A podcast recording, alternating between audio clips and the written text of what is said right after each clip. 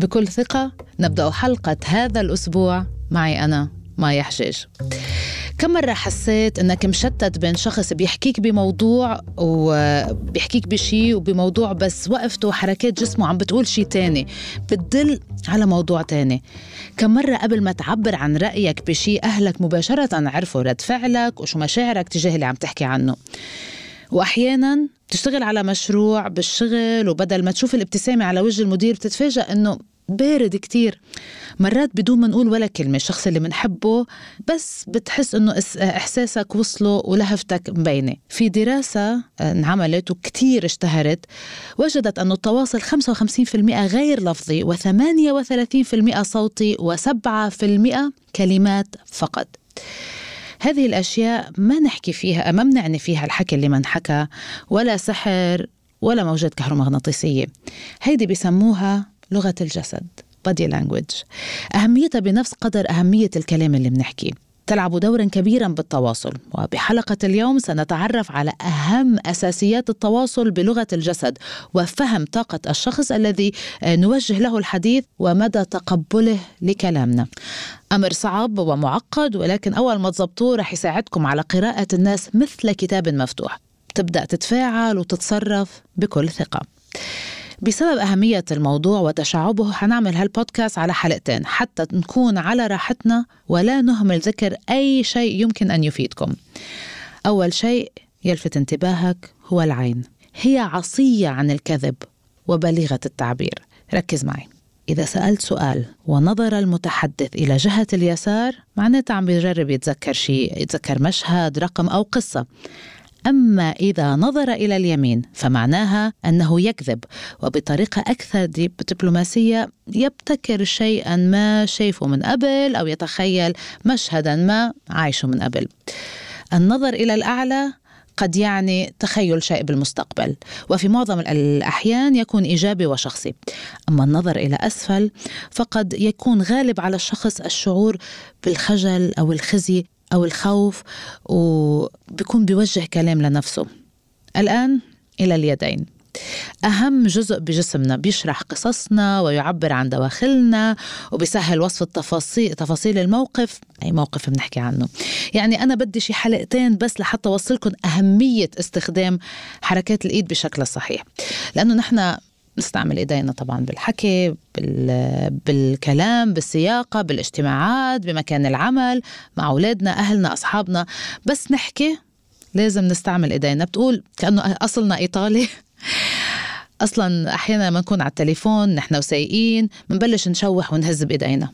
ولا ما أكون أنا بس اللي بعمل هيك؟ على كل خليها بيناتنا.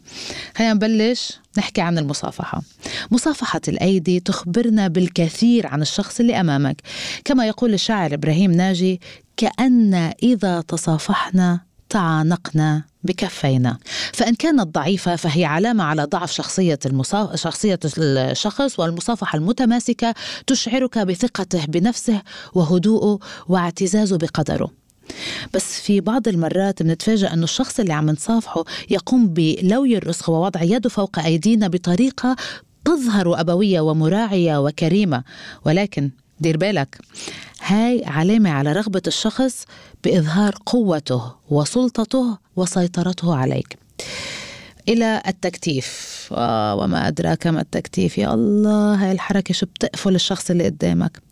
معناها أنه أنا متخذ موقف دفاعي ومسكر على حالي ومش متقبل اللي عم بتقوله ولن أصدقك ولن أتصرف على أساس ما تقول. انتبهوا الله يرضى عليكم. لأنه ياما ناس كانت بهالموقف وما عرفت فدحت هاي الغلطة خاصة إذا كنتوا عم تستضيفوا ضيوف وعم تحكوا معهم بهالطريقة.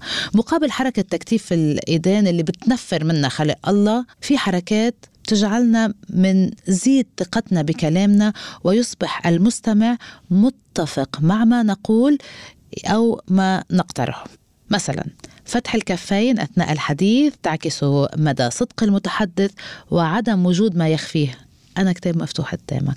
نلاحظ استخدام آخر لحركات اليد مثل تشابك أصابع الكفين.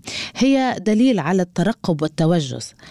أما اللي قدامك إذا شبك أصابع كفيه وحطها تحت الدقن فهيدا واصل قمة الإحباط. لمس الوجه مش بحاجة لتحليل علمي لحتى تعرف إنه اللي عم بيحكي عم بيكذب عليك سواء لمس آه، أنفه أو دقنه أو غطى آه، أجزاء من وجهه. ساعتها بتعرف إنه كذاب كذاب كذاب. وعندما تنشبك اليدين على منطقة البطن مش معناها إنه عم بخبي كرشه لا على أساس نحن نتبع مقولة اللي ما عنده كرش ما بيسوى قرش. ولكنه يتخذ الوضعية آه، بده يوصل لك أنه قلق مما يسمع أو أنه ربما فشل في اقناعك أما إذا وضعت يد واحدة على رقبتك مثلا أو اليدين فهذه معناها أنه بدأت تقتنع بكلام الشخص اللي قدامك.